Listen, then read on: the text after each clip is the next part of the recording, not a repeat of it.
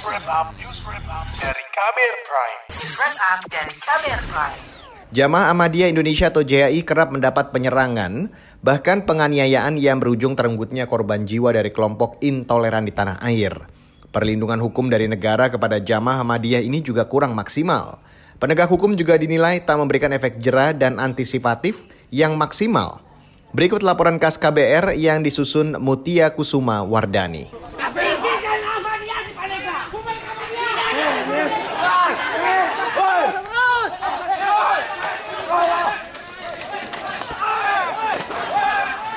Peristiwa tadi merupakan penyerangan sekelompok massa yang berakhir dengan terenggutnya tiga nyawa jemaah Ahmadiyah di Desa Umbulan, Kecamatan Cikesik, Pandeglang, Banten 10 tahun silam.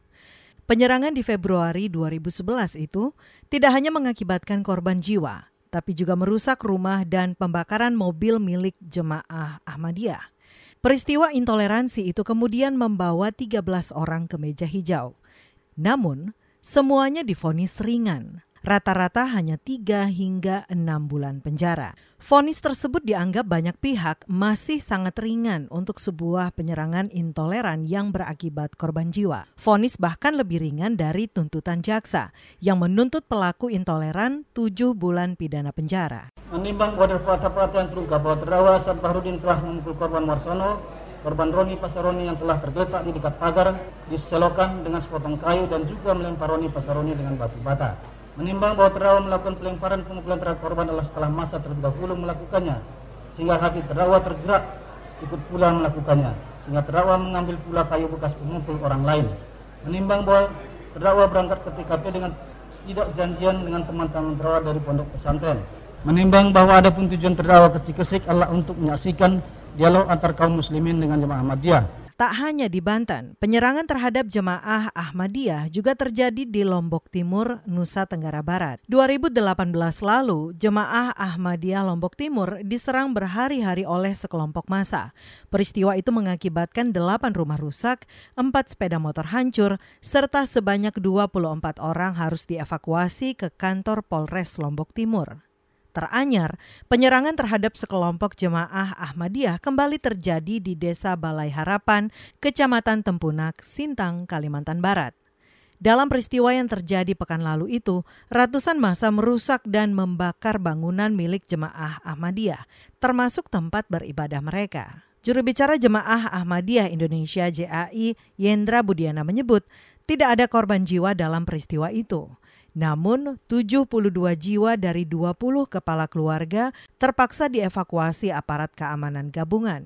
Kalau tidak dilakukan seperti itu, eh, maka sering kali masyarakat atau masa yang mengatasnamakan agama kemudian melakukan tindakan bebas tanpa ada proses hukum. Okay. Jadi itu akan terus berulang. Kami punya pengalaman di berbagai tempat dalam peristiwa yang sama pada saat uh, polisi melakukan uh, tindakan uh, pemrosesan hukum pada pelaku tindakan pelanggaran hukum, maka kemudian akan menurunkan eskalasi konflik. Juru bicara Jemaah Ahmadiyah Indonesia, Yendra menambahkan, JAI meminta agar kepolisian menjamin keselamatan warga Ahmadiyah dan masyarakat di Desa Balai Harapan, baik keamanan fisik, mental, dan juga properti milik jemaah. Yendra berharap cara-cara yang menyebarkan ajaran kebencian dan kekerasan di internet untuk diproses hukum sesuai aturan yang berlaku.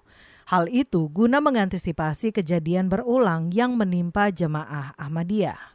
Senada dengan Yendra, Ketua Bidang Advokasi Yayasan Lembaga Bantuan Hukum Indonesia YLBHI Muhammad Isnur berpendapat pola penyerangan di Sintang Kalimantan Barat itu sama dengan kejadian penyerangan sebelumnya. Ada pola prakondisi yakni stigma terhadap jemaah Ahmadiyah melalui spanduk hingga media sosial yang dilanjutkan dengan mengumpulkan massa, lalu berdalih penyerangan itu sesuai dengan surat keputusan bersama SKB tentang Ahmadiyah. Saya kira Kementerian Dalam Negeri memang berada dalam posisi tidak boleh tidak dia harus mengambil peran yang besar gitu ya. Yang kedua dalam konteks mikro di Sintang tentu tanggal 3 September itu bukan sesuatu yang uh, ujuk-ujuk. Dia resultante dari kegagalan pemerintah kabupaten untuk memastikan uh, tidak ada diskriminasi uh, terhadap seluruh warga negara termasuk komunitas Ahmadiyah di sana. Pasal 29 ayat 2 tegas mengatakan bahwa negara menjamin kemerdekaan tiap-tiap penduduk untuk memeluk agama dan beribadah menurut agama dan kepercayaan masing-masing. Namun, alih-alih melindungi jemaah Ahmadiyah, pemerintah daerah dan kepolisian justru menyetujui diadakan relokasi. YLBHI mendorong Kapolri menangani dan mengevaluasi secara serius ancaman penyerangan kepada jemaah Ahmadiyah tersebut. Isnur mendesak agar kepala kepolisian daerah yang gagal menghalau masa penyerangan kelompok minoritas jemaah Ahmadiyah dipecat dari kepolisian. Laporan ini disusun Mutia Kusumawardani. Saya Aika Renata. Kamu baru saja mendengarkan news wrap up dari Kabel Prime. Dengarkan terus kbrprime.id, podcast for curious mind.